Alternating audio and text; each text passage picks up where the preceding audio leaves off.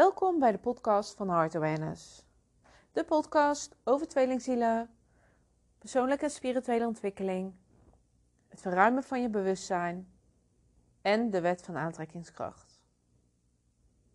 Welkom en super tof dat jij naar deze aflevering luistert. Ik kreeg vandaag weer een eh, heel mooi voorbeeld over loslaten en wat dit voor positief effect heeft. In ieder geval, het gaat over het loslaten van, ja, ik zou zeggen je tweelingziel, eh, meer het loslaten van het ideaal plaatje wat jij in je hoofd hebt. Soms is loslaten nodig om, om jezelf te kunnen bevrijden van het vastzitten wat je doet. En zoals ik net zei, betekent niet dat je je tweelingziel los moet laten van, nou, we gaan elkaar nooit meer zien, we hebben nooit meer contact. Nee. Het gaat om het loslaten van het ideaalplaatje wat jij in jouw hoofd hebt gecreëerd. En ik weet dat dit een heel proces is, want het is niet zomaar iets wat je even doet. Dat daar heb je heel veel tijd. Nou ja. Daar kan je heel veel tijd voor nodig hebben. En vooral omdat als iets jou vasthoudt aan een persoon, dan zit daar iets achter bij jou. Iets wat je heel graag eh, wilt ontvangen, of in ieder geval wat je hebt ontvangen, wat je fijn vindt en wat je bang bent om kwijt te raken. Dus er zit een bepaalde gehechtheid achter bij jou om, om steeds maar datgene te ontvangen wat je, wat je hebt ontvangen. Een erkenning of gezien worden, gehoord worden. En we denken als mensen allemaal dat we iemand nodig hebben om ons om, om een soort erkenning te hebben, om liefde te ontvangen, om, om gezien te worden, om gehoord te worden. Nou, dan zit je wat dat betreft goed in het tweelingzielproces. Want uh, ja, dat is echt wel de grootste leerschool uh, daarin. Want je wordt geconfronteerd dat, dat je tweelingziel niet steeds datgene aan jou kan geven. Wat je eigenlijk heel graag wilt ontvangen. En dat ontvangen, dat komt vanuit je kind zijn. Vanuit, vanuit je innerlijk kind. Iets wat je hebt gemist in jouw jeugd. Jij als kind. En wat je wel hebt mogen ontvangen bij jouw tweelingziel. En als jouw tweelingziel en jij dan ineens in separatie zijn, of jouw tweelingziel blokkeert je of er is afstand. Ja, dan komt daar angst naar boven. Dan komt daar pijn naar boven. Dan word je teruggeworpen op jezelf. Want dan mag je het weer even alleen doen. In plaats van steeds maar van de ander uit te gaan. Van de ander de dingen te verwachten waar jij naar verlangt. En als je dan zo op jezelf teruggeworpen wordt, ja, dat is heel confronterend en pijnlijk en verdrietig. Maar het is allemaal nodig om jou weer bij jezelf te brengen. En daar gaat het dus ook om in het tweelingzielproces. En dan wordt wel heel veel mensen wordt dat vergeten, omdat zo de focus op de ander ligt. Want de ander is mijn ideale liefde. De ander is waar ik uh, zo'n diepe liefde voor uh, voel. En, uh, hè? Maar het gaat niet om de ander. Het gaat om jou. Nou, ik had vandaag een heel mooi gesprek met iemand. En die, die heeft ook zijn tweelingziel losgelaten.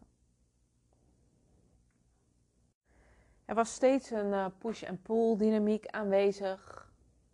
En diegene die, um, die was constant aan het chasen. Terwijl de ander het alleen maar weer afhield. En ja, ik heb hele mooie gesprekken gehad met uh, deze persoon. Hè, wat je kunt doen. Um, hoe je dit kunt doorbreken. Want diegene die had daar zoveel last van in zijn leven. Dat, dat diegene eigenlijk niet meer kon functioneren. Nou, klinkt wel heel dramatisch, maar ja, kwam het eigenlijk wel op neer. Nou, wat is er gebeurd? Diegene heeft zijn, heeft grenzen aangegeven. En toen is er een shift gekomen.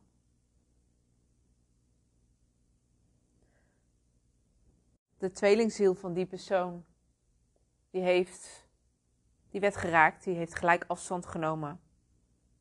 Die was gelijk van blokkeren en verwijderen en ik wil je nooit meer zien. Maar wat gebeurde er nou bij diegene die dus grenzen aan heeft gegeven? Die kwam op een punt van loslaten. Loslaten van het ideaalplaatje. Het loslaten van die persoon. Van zijn persoon. Zijn tweelingziel dus. En was dat een leuk moment voor diegene? Nee, zeker niet. Het ook getriggerd. Was ook heel confronterend. Maar op het moment als je dus werkelijk los kunt laten, als zijnde um, het ideaalplaatje, en misschien ook wel de persoon, dat hoeft nog ineens per se, maar sowieso het ideaalplaatje, hè, de belemmerende overtuigingen die jij hebt, de verhalen die jij hebt gecreëerd om jouw tweelingziel heen, dan gaat daar een shift komen. En ik heb deze zelf ook een aantal maanden geleden, um, nou eigenlijk niet begin van het jaar moet ik zeggen, want het is nu al uh, haast november, of het is al november.